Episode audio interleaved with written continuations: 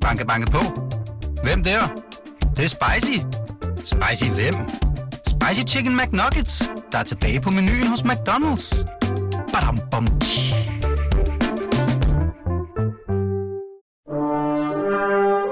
Du lytter til Radio 24-7. Den originale taleradio. Velkommen til Hitlers Æseløer med Jarl Kortua.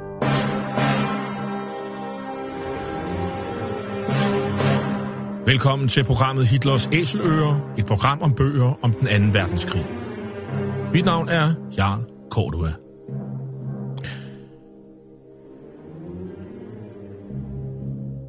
Den anden verdenskrig blev indledt den 1. september 1939 af det nazistiske Tysklands overfald på Polen. Der var tale om en racistisk erobringskrig, der kostede mellem 55 og 70 millioner mennesker livet, og hvor nazisterne systematisk myrdede jøder, romager og slaviske befolkningsgrupper, politiske modstandere og alle andre, der ikke passede ind i deres forestillinger om et ensartet folkefællesskab.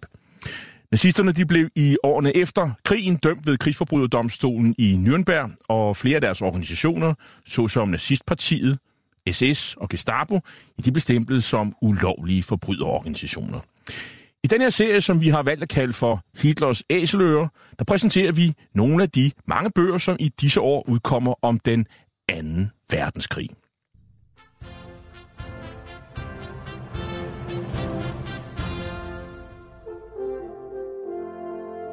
Wenn alle untreu werden, so bleiben wir doch treu. Dass immer noch auf Erden für euch ein Wäldlein sein. Erwerdet unser Jubel, ihr Bilder bester Zeit. Die uns zu Männer, Tugend und Liebestod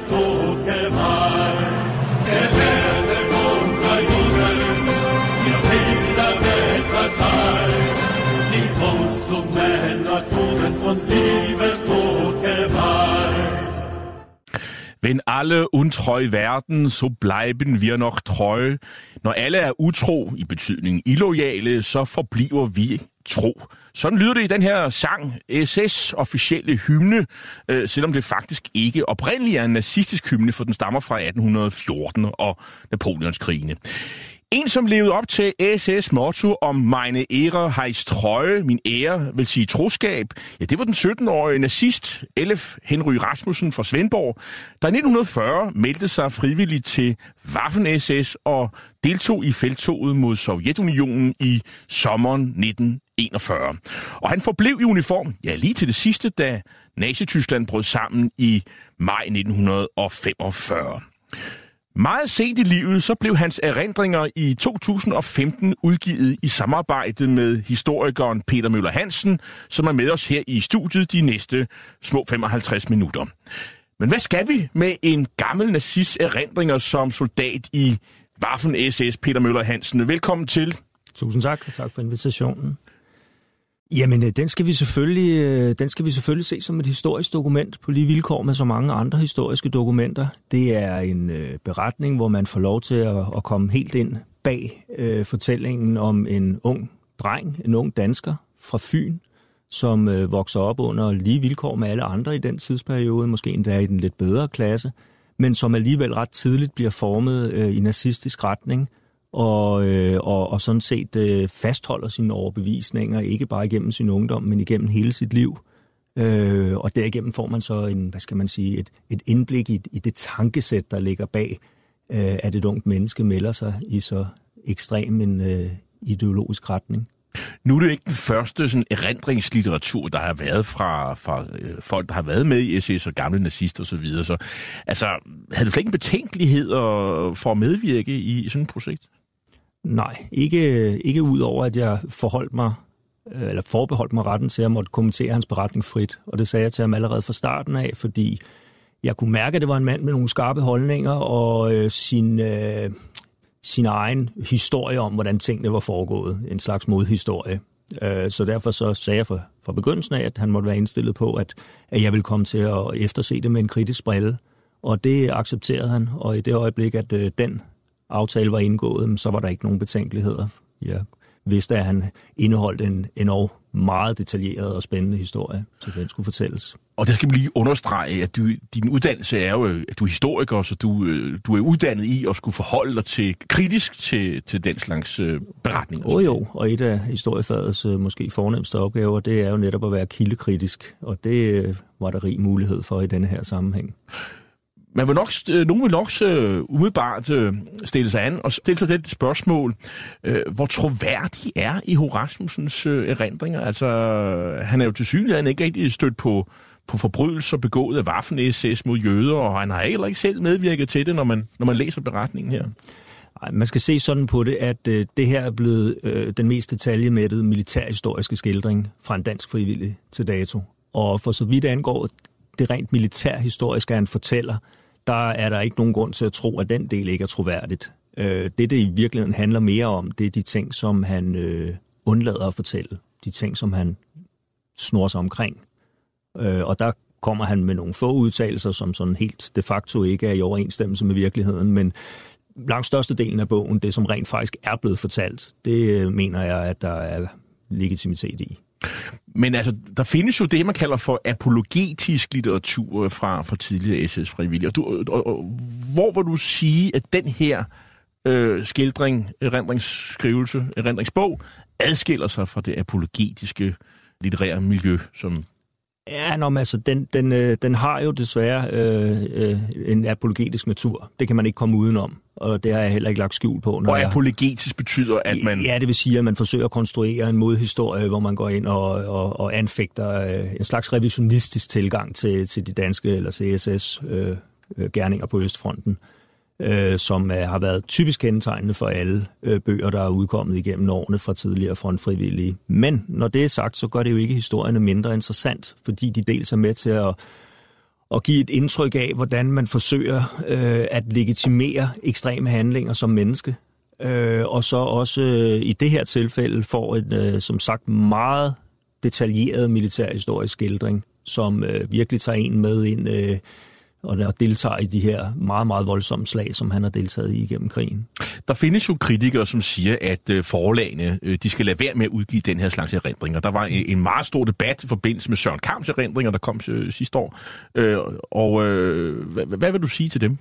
Jamen, at jeg er fuldstændig uenig. Altså, der, for mig at se, er der slet ikke nogen tvivl om, at alle skal have ret til at komme til ord i et samfund, som bryster sig af ytringsfrihed. Det, der er vigtigt i den sammenhæng, det er selvfølgelig, at øh, man sørger for fra forlagets side eller fra forfatterens side at øh, forsyne øh, biografens ord med, en, øh, med et øh, fyldigt øh, noteapparat og øh, et kritisk efterskrift eller et forord, øh, så biografens ord ikke står alene. Og hvis man gør det, så mener jeg ikke, der er nogen grænser for, hvad man skal have lov til at udgive. Hvis man i øvrigt fra forlagets side øh, mener, at det har en samfundsmæssig relevans, det der øh, bliver fortalt.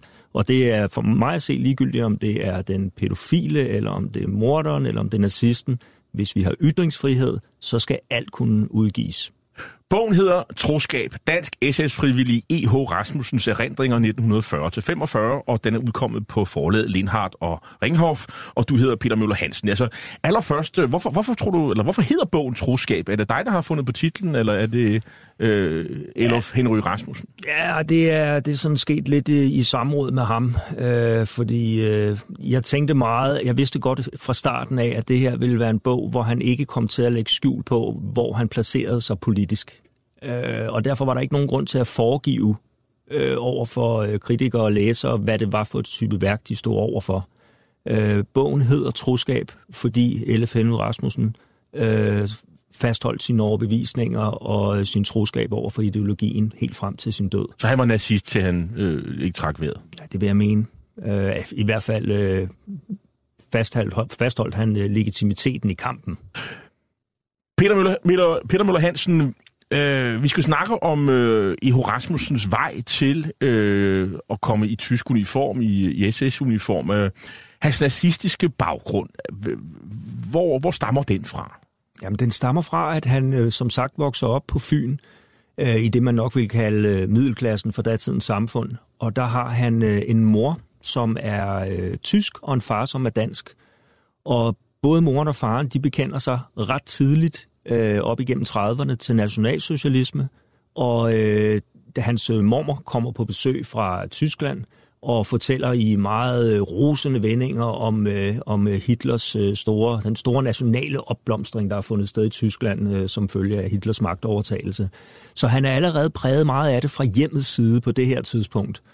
Og øh, dertil skal så lægges, at han øh, ret tidligt også bliver indlemmet i det, der hed NSU, som var Nationalsocialistisk Ungdom, en, øh, en dansk pendant til det tyske Hitlerjugend, øh, øh, og derigennem også kommer på kurser øh, i, i det regi. Øh, og på et af de kurser, der møder han øh, den kendte danske officer øh, Frederik von Schalburg, Christian Frederik von Schalburg, øh, som var øh, et idol for rigtig mange af disse NSU'ere, Øh, og øh, der lærer han øh, blandt andet, da han hilser personligt på Schalburg, der lærer alle disse unge mennesker, hvordan man, man ikke giver hånd, men hejler, fordi det ifølge Schalburg var noget slæsk jødekram at give hånden. Så der er en ideologisk påvirkning fra en meget tidlig alder. Og så ser han rigtig meget op til en øh, betjent, en lokal betjent i, øh, i Svendborg, som, øh, som også er nazistisk indstillet. Så, så han er sådan, øh, hvad skal man sige, han er sådan bombarderet med det, både fra... Øh, fra nærmiljøet eller det lokale miljø, men også fra hjemmets fire vægge. I 1940, øh, der er Iho Rasmussen 17 øh, år, øh, og der bliver Danmark så besat. Og øh, så øh, går der ikke ret lang tid, så er han på vej til, til Klagenfurt i Østrig på øh, Lendorf-kasernen. Hvad skal han der? Ja, men det er sådan lidt, den, lidt måske det, der adskiller den her historie, eller en af de mange ting, der adskiller den fra for eksempel historien om Frikorps Danmark, det er, at den værvning, som fandt sted øh, i 1940, den stred imod den besættelsesaftale, der var indgået mellem øh, den tyske besættelsesmagt og Danmark, hvilket vil sige, at da de indledte en værvning i 1940, der var de nødt til at holde den hemmelig. Og derfor foregav de faktisk over for øh, dem, som de søgte at værve, at der var tale om et politisk kursus af 3 til måneders varighed, hvorefter at man ville blive sendt tilbage til samfundet, hvor man så efter, hvad der forventedes at blive Fritz Clausens magtovertagelse, ville kunne blive indsat i forskellige øh, poster i samfundet. Øh, og der var sågar også tale om øh, i nogle tilfælde, at man øh, lovede folk et skisportskursus eller et maskinskrivningskursus, sådan alt efter, hvad der lige passede til, til den, de søgte erhvervet smag. Så når man meldte sig, så, så regnede man ikke med, at man skulle være øh, soldat i Waffen-SS, man skulle på et politisk kursus, og, øh, og, og, det, og, og det, der sådan ventede øh, længere henne, det var, at man kunne få en, øh, en plads i et øh, nazistisk Danmark, hvor der var ja. brug for, hvor man, hvor man skulle så øh, være en eller anden form for elite. Er, ja. det, er det rigtigt forstået? Det er entydigt understøttet af øh, masser af kildemateriale.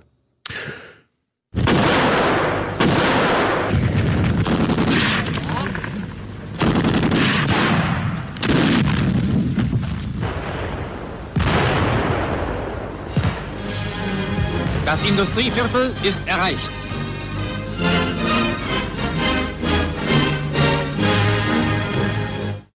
Her er det enheder fra 5. SS Panzerdivision Viking, der under kampe med mortergranater og maskingeværsalver ifølge den tyske urevy indtager en industribygning ved Dnipropetrovsk i, i, øh, i Rusland, Sovjetunionen. For inden, der, her, der er E.H. Rasmussen jo blevet optaget i Division Viking i det, der hedder Regiment Nordland. Hvad er det? Det var et øh, regiment, som Hitler lå opstillet i 1940 i forsøget på at få indfriet nogle, øh, nogle, eller deres ambitioner om at skabe en multietnisk såkaldt germansk her i Europa, hvor man altså begyndte at indlemme øh, andre nationaliteter i Waffen-SS. Så der opstillede man så øh, det her regiment Nordland, som var tiltænkt at skulle bestå af 50 procent øh, danskere og 50 procent øh, tyskere. Og, øh, og det var så det, som, øh, som Elf Henry Rasmussen han blev værvet til i 1940. Nede på kasernen der, hvad, hvad er det, går, hvornår går det op for ham, at han egentlig, kommer, at han egentlig har meldt sig til Waffen-SS?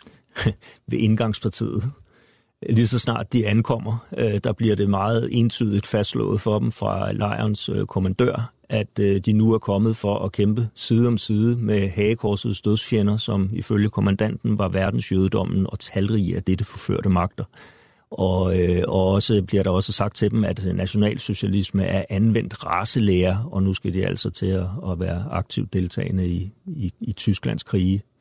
Og blandt de her folk i Klagenfurt og med det første hold her, det, der er blandt andet Søren Kamp. Altså, de, øh, de er på kasernen samtidig. Ja, Søren Kamp ankommer en uge før. Der blev ansolgt, øh, eller afsendt en 4 til seks hold øh, hen over sommeren og frem mod øh, årsskiftet i 1940. Så Kam ankommer på hold nummer 1, øh, og altså ankommer Elf på hold nummer 2 øh, en uge senere.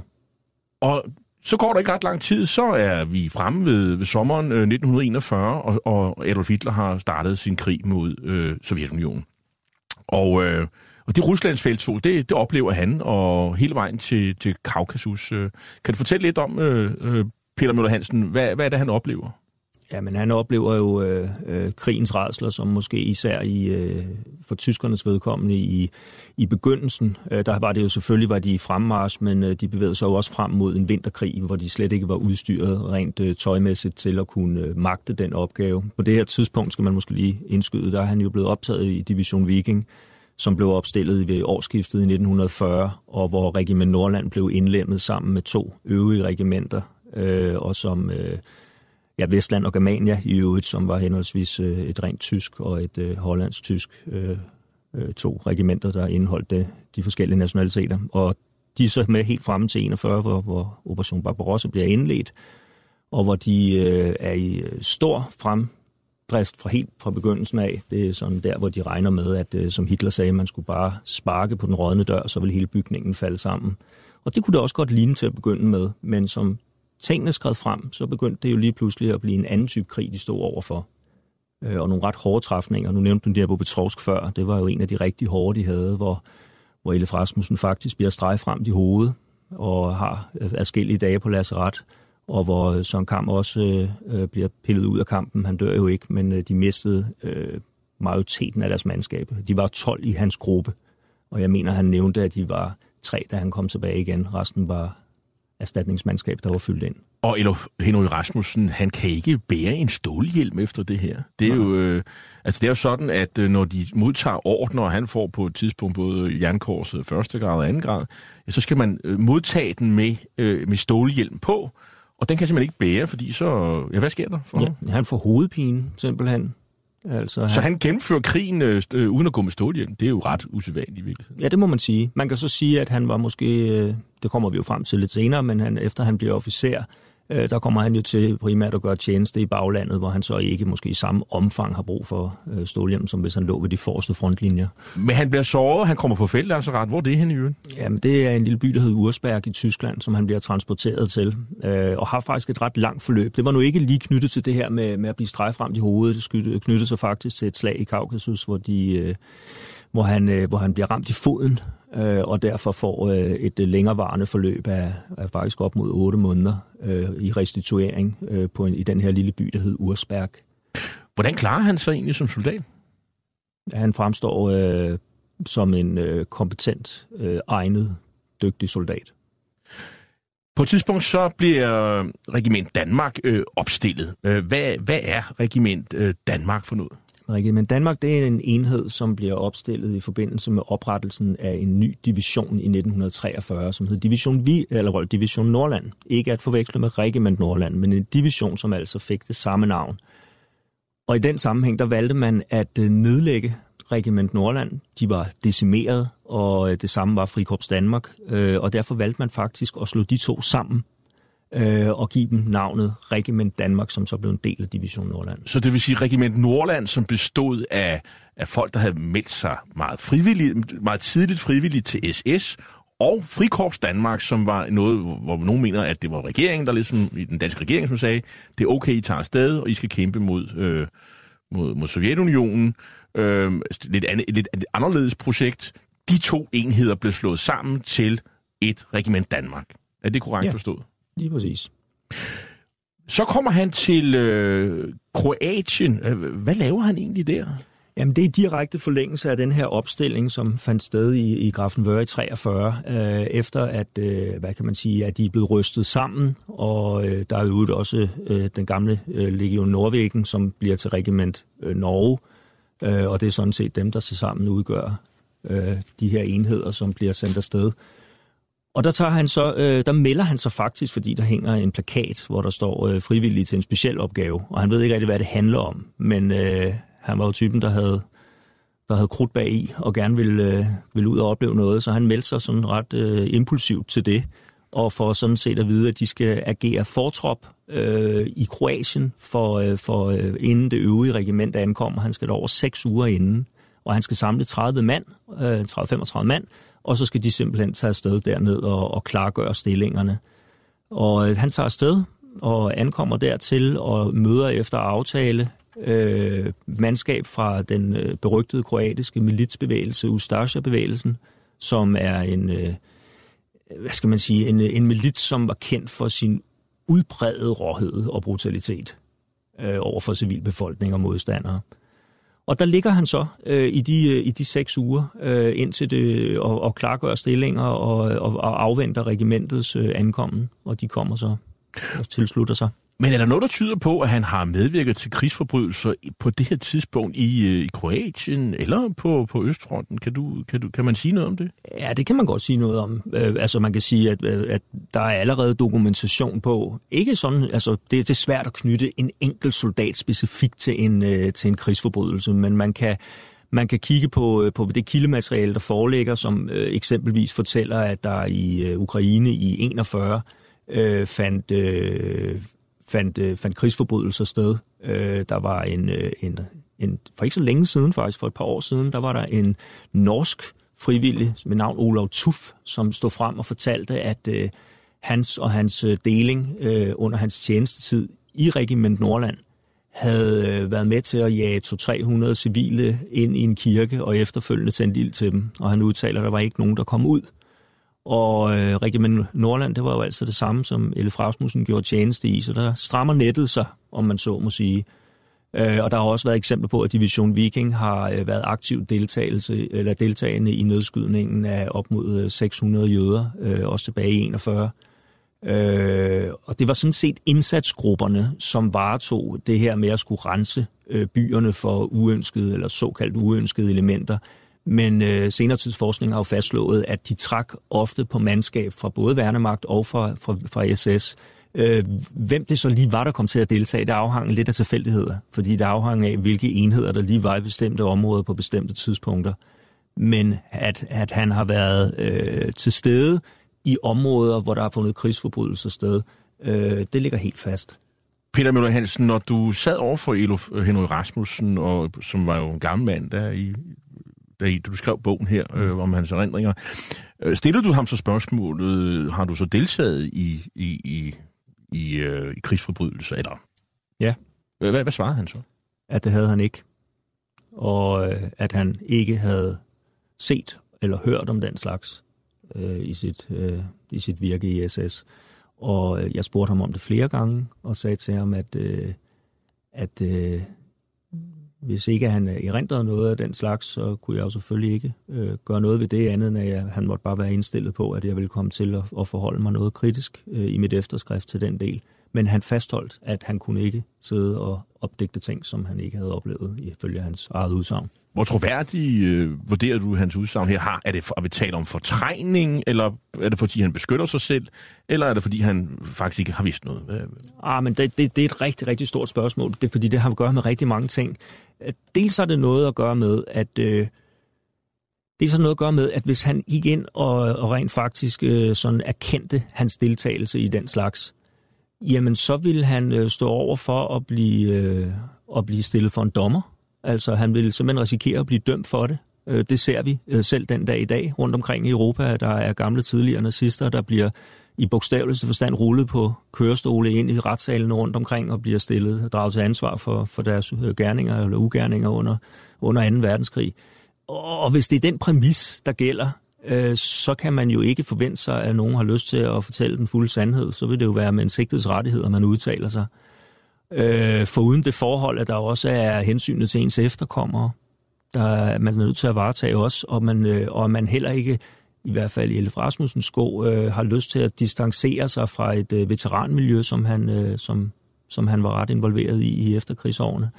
Øh, så det er der rigtig, rigtig mange årsager til, at han ikke, at han ikke ønsker at bidrage med informationer om. Der er dog lidt, det hører med til historien. Nu vil jeg ikke sidde sådan og afsløre alle enkelhederne i bogen. Det kan læsere jo selv gøre, gøre hvis de har lyst. Men, øh, men der er dog lidt om det, men, men det er ikke meget.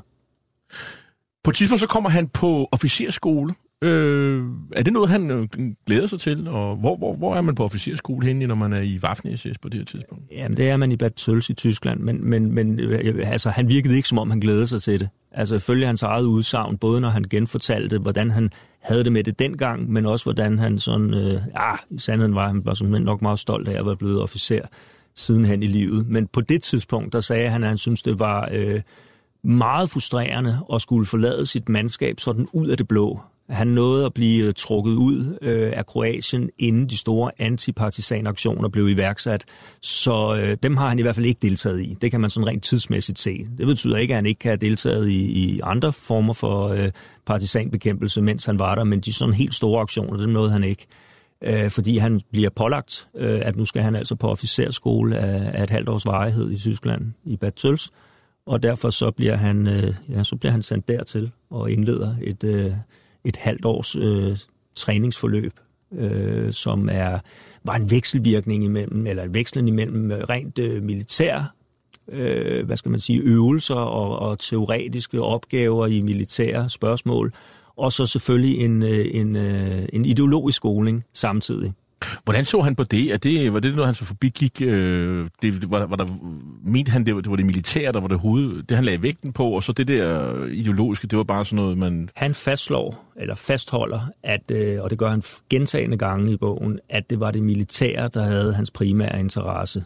Og det, øh, det er muligt, at, øh, at det militære havde hans interesse, men det er også meget, meget tænkeligt, at øh, det ideologiske havde en mere dominerende rolle, end han var villig til at erkende. Blandt andet vil han slet ikke i, når hans fortælling omkring den her øh, uddannelse i Bad Tøls, der, der fastholder han, at jødespørgsmålet fyldte meget lidt, og at det handlede om den såkaldt gule fare og øh, kapitalismens øh, ødelæggende betydning for et samfund. Altså en masse andre tematikker, som ganske rigtigt også var en del af uddannelsen. Men man ved øh, fra, øh, fra bøger, der er skrevet sidenhen, oven i købet bøger, som er skrevet af af, af, af en af tilrettelæggerne af undervisningen i Bad Tøls, at fokus i særlig grad var rettet mod øh, øh SS-kamp mod verdensjødedommen. Så den del, den undgår han meget behendigt. Han fortæller dog, øh, at han var, øh, at de fik fortalt om, hvordan at handicappet ikke var hensigtsmæssigt at have et samfund, og at øh, man var nødt til at sterilisere øh, øh,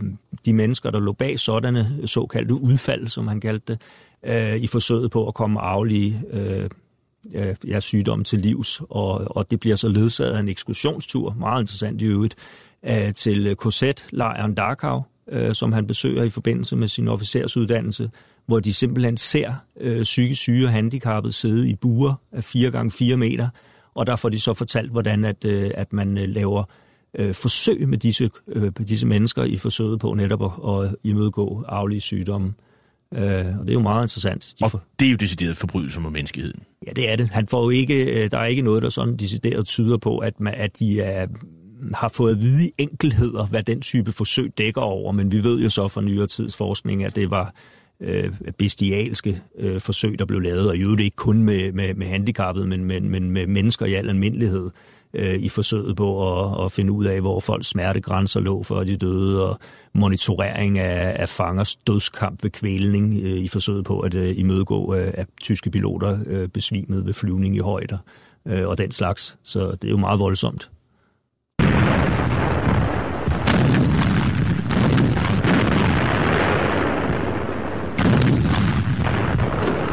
Flak im Einsatz.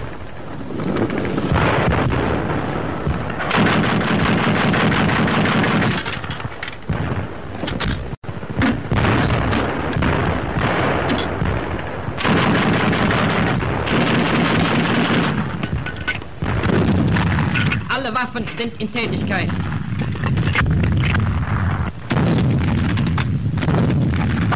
Verwundete gehen zum Verbandsplatz.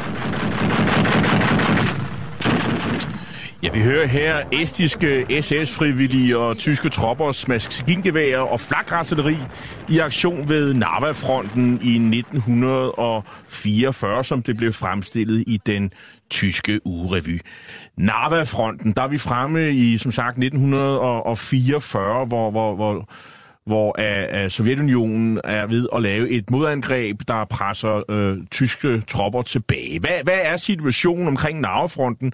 Og der er uh, Elof uh, Henry Rasmussen jo uh, som officer jo uh, en del af det... Uh, øh, skal man sige, han, han, han er jo en del af, af den øh, styrke, som står der. Hvad er hans opgave på det her tidspunkt, og, og, og hvordan klarer han, han sig der? Peter Møller Hansen. Jamen, hans opgave, den er jo, at han bliver indsat øh, ved Narvefronten øh, umiddelbart efter officersuddannelsen er færdig. Der er behovet for officerer stort. Øh, officererne falder i et væk, og der er hele tiden brug for nye til at overtage deres pladser. Og Tyskland er, eller de tyske styrker i området er dybt presset. Øh, det er en kaotisk situation. Og han bliver indsat som øh, adjudant, som er en øh, taktisk stilling, hvor han øh, kommer til at varetage en lang række Øh, hvad skal man sige, øh, praktiske opgaver, såsom øh, tilførsel af ammunition og tilførsel af, af, af forplejning til mandskabet, sikre, at stillingerne ligger med de rette øh, antal meters mellemrum og øh, øh, sørge for, at der bliver skrevet øh, rapporter, som bliver øh, ført videre opad af kommandovejen, øh, indstilling til ordner og forfremmelser, alt den slags. Øh, og det, øh, han lå vandret. Altså, han havde travlt for det sekund, han ankom, og han øh, sagde selv, at øh, han følte, han var opgaven voksen. Det øh, tyder øh, det også på, at han var. Altså, han, er, han er altså 21 år her på Ja, det er det, og det er jo det. Det er bare en ung knægt. Men øh, det virkede til, at han, øh, at han klarede den opgave til UG. Øh, jeg ved fra, fra, fra interviews, der er lavet øh, i de senere år med nogle af de øh, frontsoldater, som var under ham, øh, Øh, en del af hans mandskab, at de omtalte ham i meget øh, rosende toner øh, og anså ham som en meget, meget dygtig leder. Så jeg tror sådan set, at han sådan på det rent militære øh, niveau har klaret sig rigtig godt, og det gjorde han også i Narva. Øh, han, øh, han havde travlt, og han sagde, at han syntes, det var hektisk, og det var meget, meget, meget lidt søvn, man fik. Øh, men samtidig var han også meget øh, pligtopfyldende, og eftersom han nu lige pludselig havde ansvaret for, for, for menneskeliv på en ny måde, end han havde haft før, øh, så var han sin opgave voksen. Og han er altså Untersturmführer, altså sekundløjtnant og, på det her, og, og, tidspunkt, på det her ja. tidspunkt her.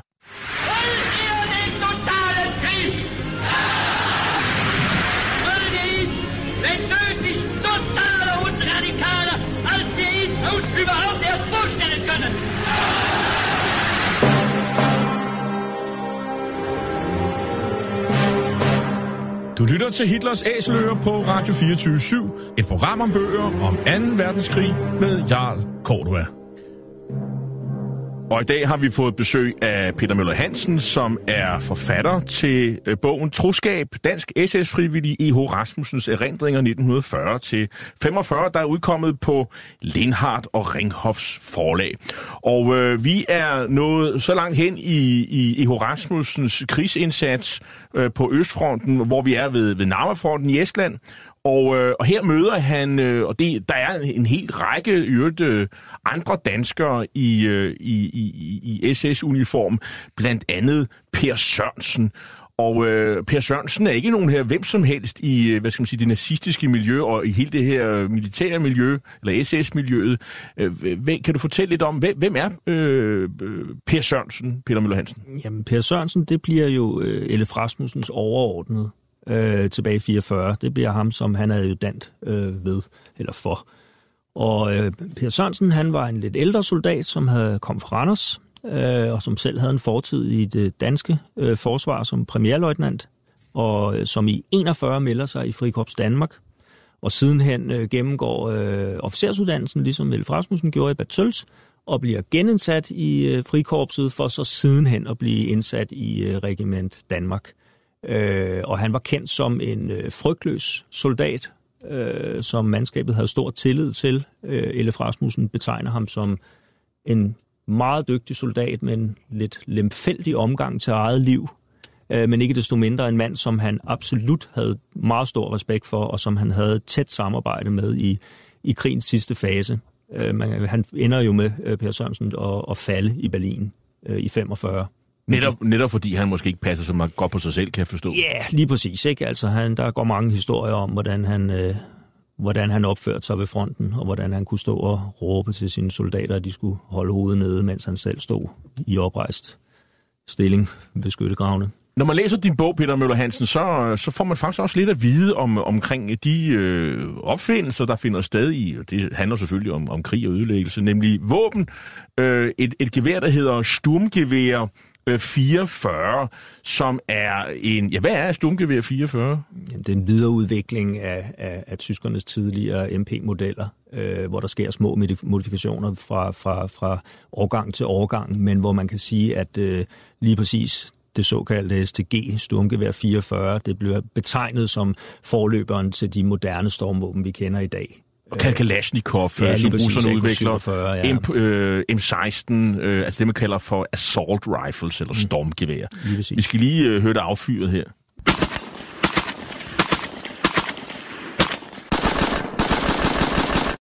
Og det er Hugo Schmeisser, som er designeren bag det her våben. Det er den øh, tyske kaliber hedder 792. Det er også den, øh, det øh, øh, lidt maskingevær, man bruger på det her tidspunkt, øh, som man også senere hen bruger det danske, øh, danske militær, godt nok med en lidt lavere kaliber, 762, men på det her tidspunkt var den lille 8 mm, det var det, man, man, man brugte her.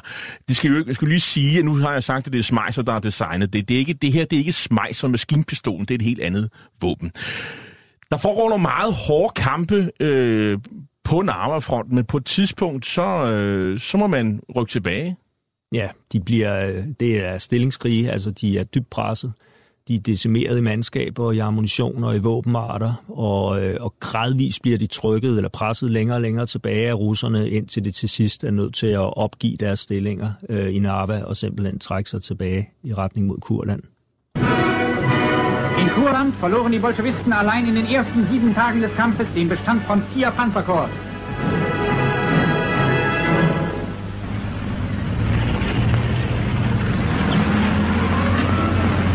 Gefecht zwischen Sturmgeschützen und anrollenden Sowjetpanzern.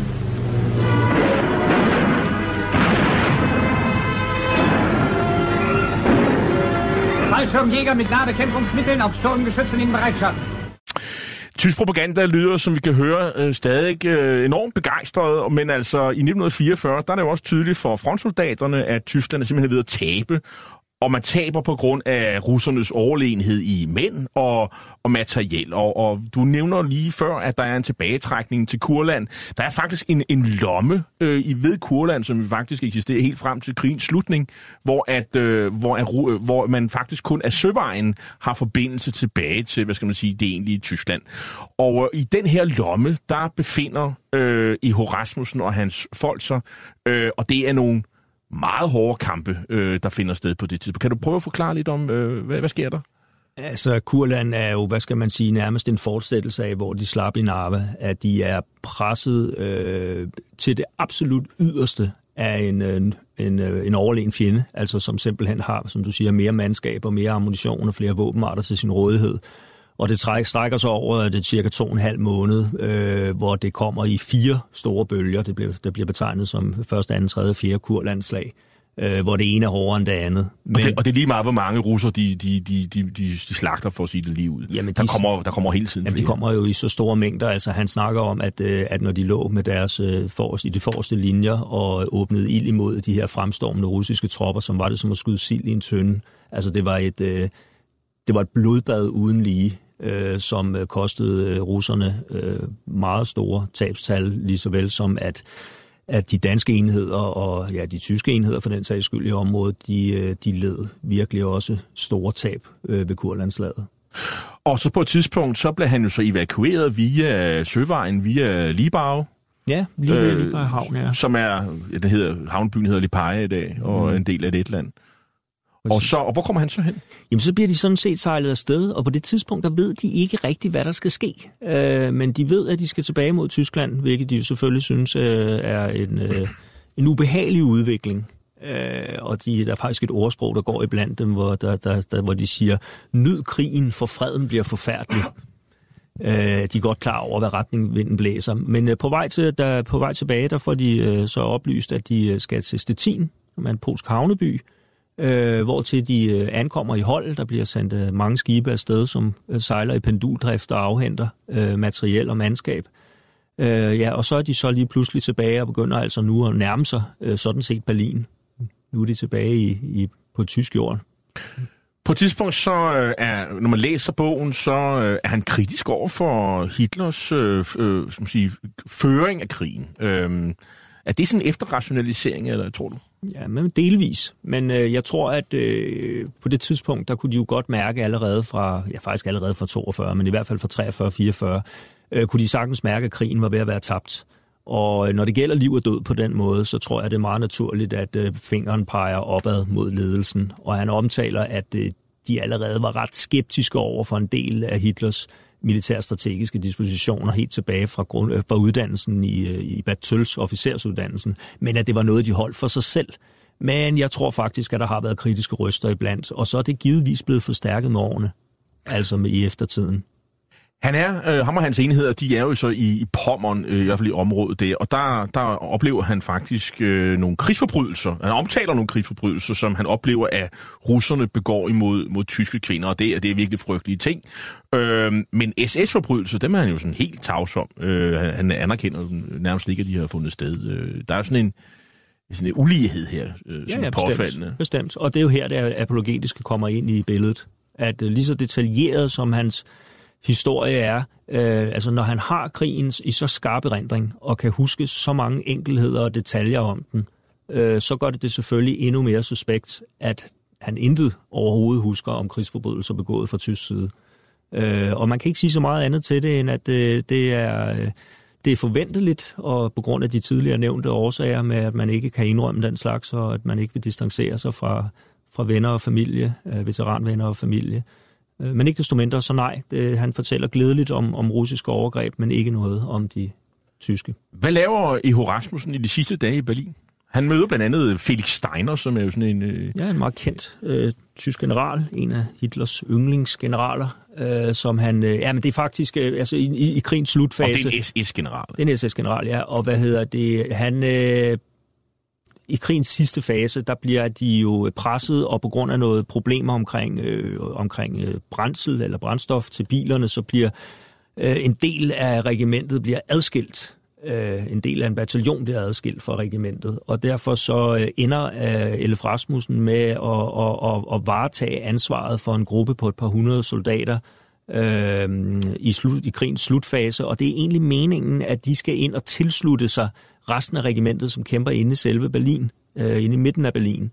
Øh, men de modtager en kontraordre og bliver i stedet for sendt op nord for Berlin, hvor de skal øh, sikre en, øh, en, en bro, øh, så, så, så russerne ikke får passeret Oder af den vej, øh, og bliver så efterfølgende øh, sendt i vestlig retning for at agere øh, sikringstroppe, eller tropper ved, øh, eller sikringsstyrke øh, for, øh, for general Steiner. Og der kommer han i direkte kontakt til Steiner. Det har han været før i krigen i øvrigt. Øh, han kendte Steiner i forvejen og har haft øh, ansigt-til-ansigt kontakt med ham øh, ved flere lejligheder. Men her der bliver han altså, øh, kommer han øh, til at være direkte underlagt ham, og, øh, og oplever både, øh, hvordan Steiner øh, ifølge Rasmussens eget udsagn forfremmer ham, øh, til havstumfyre, øh, det tyske havstumfyre. Og det vil sige kaptajn. Kaptajn, ja, i, i dansk optik, og hvad hedder det, og også ser, hvordan Steiner fortæller ham, øh, at, øh, at krigen er ved at være tabt, hvilket gør ham ualmindelig ked af det. Han kan slet ikke slippe den tanke, at Steiner har sagt, at krigen er tabt.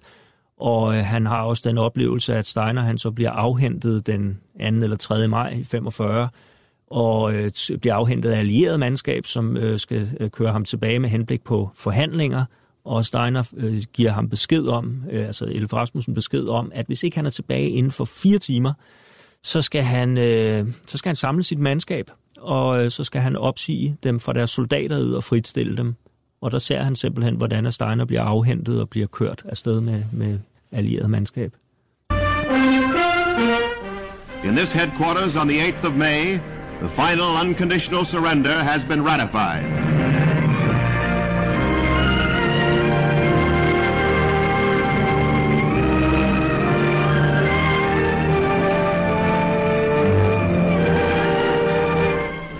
German Field Marshal Keitel, former Chief of Staff.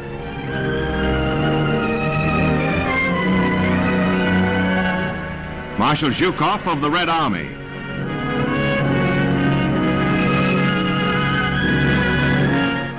Ex-Field Marshal Keitel signs unconditional surrender for those remnants of the Wehrmacht still bearing arms. Feltmarskal Keitel, han underskriver kapitulationsbetingelserne her over for russerne og amerikanerne, og krigen slutter med Tysklands øh, kapitulation. Og, og det har han det øh, selvsagt øh, ikke godt med. Og han ender jo så i, i krigsfangelejre hos britterne. Hvordan, hvordan, hvordan gik det? Det gik i hvert fald bedre, end det ville have gjort, hvis de var endt i russisk fangenskab. Der var cirka 275 danskere, som endte i russisk fangenskab, og det vidner historien om væsentligt hårdere vilkår. Øh, ganske kort så øh, øh opsiger han jo sit mandskab fra deres ed til Adolf Hitler, øh, hvilket finder sted med tårer i øjnene for hans vedkommende, og, han, og det er underforstået, at øh, man, øh, hvis man vælger at overgive sig, selvfølgelig overgiver sig til allieret mandskab. Øh, og at de også kunne vælge at stikke af, hvis de ville det. Og det var der nogen, der gjorde, mens andre, øh, Elef Rasmussen inklusiv, øh, valgte at gå i allieret krigsfangenskab, altså hurtigt vestpå, og bare lade sig opfange af først tænkelige enheder, der var til rådighed.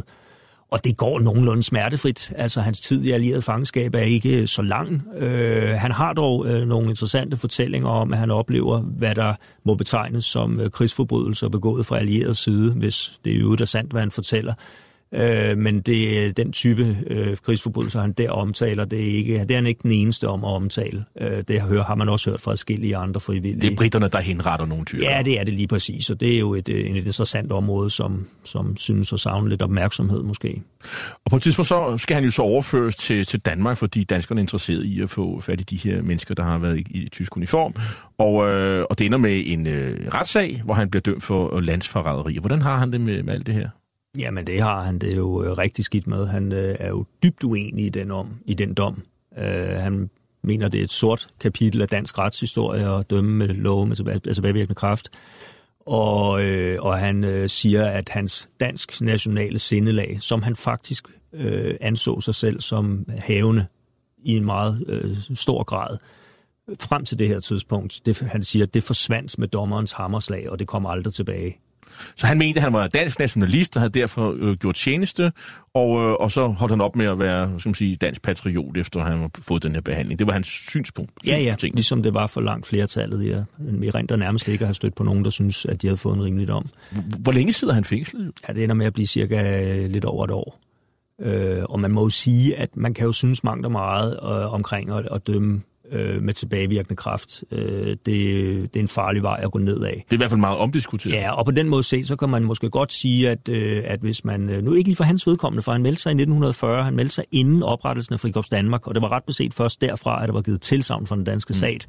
Øh, men hvis vi lige ser bort fra det forhold, så kan man sige, at det, det at blive dømt øh, med tilbagevirkende kraft var måske ikke rimeligt, men man skal også huske, at de blev kun dømt for det forhold, at de havde meldt sig. Der blev ikke kigget på, hvilke gerninger og ugerninger de eventuelt havde været involveret i på Østfronten. Og i sådan en optik, så vil jeg mene, at de slap billigt. Hvad er egentlig hans situation, når han bliver lukket ud fra, fra fængslet? Jamen, den er ligesom øh, de fleste andre, som, øh, som var i, i hans sko. Han bliver løsladt øh, uden en krone på lommen. Hans øh, far var jo også i SS. Hans bror var også i SS.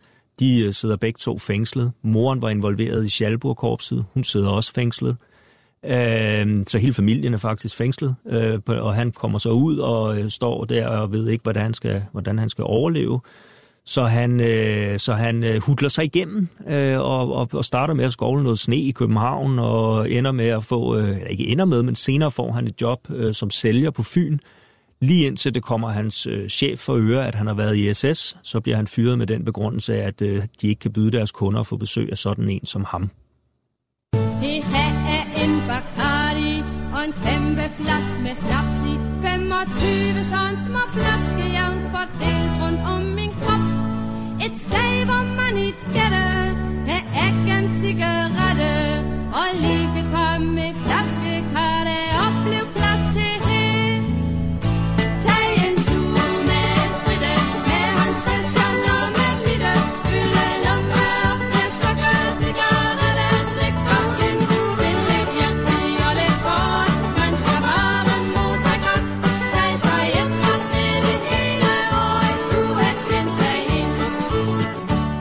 det her det er den øh, alsiske øh, gruppe Voss fra 1981 med et hit fra den gang, der hed Tag tur med Spritte. Hvad, hvorfor skal vi høre den, øh, Peter Møller Hansen, tror du?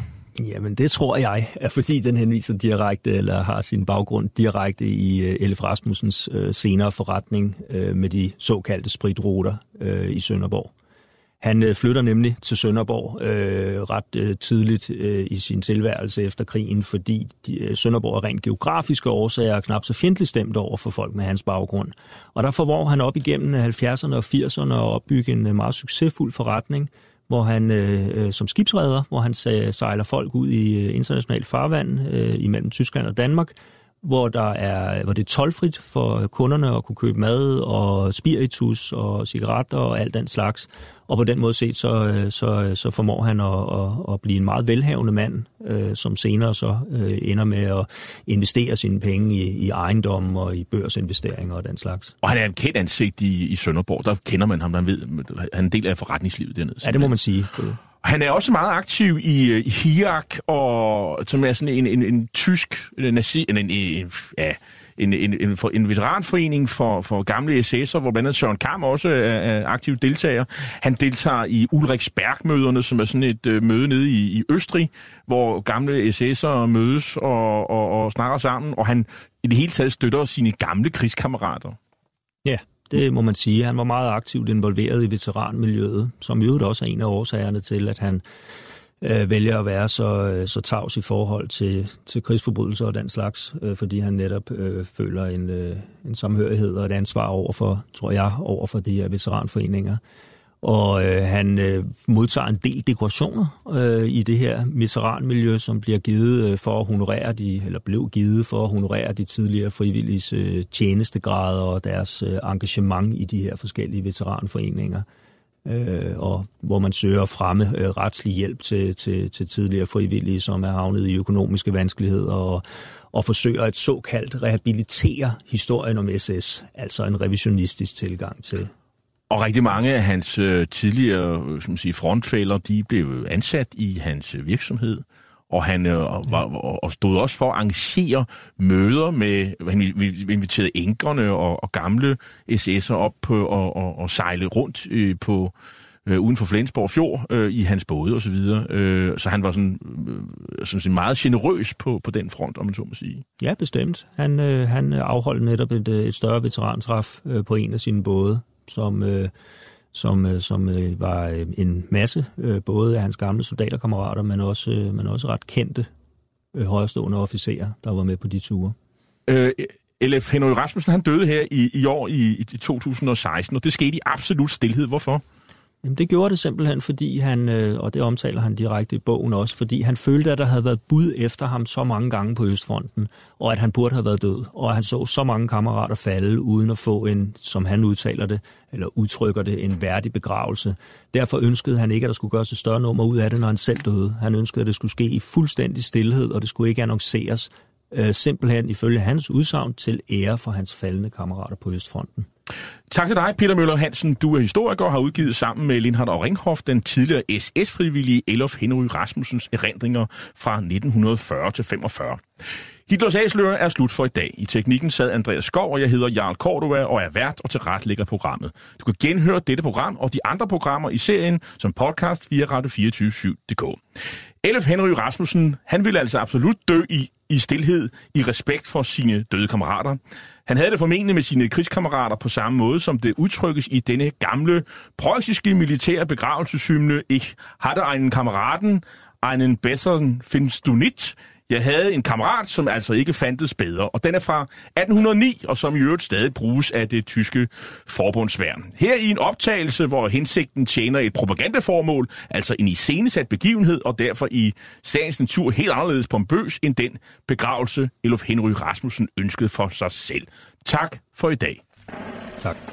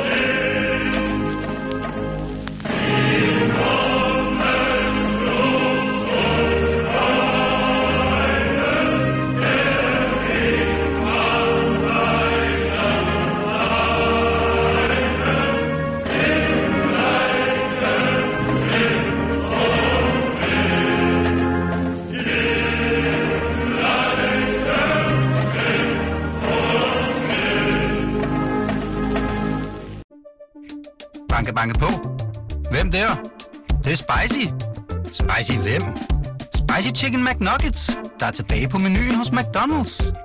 Badum, bom,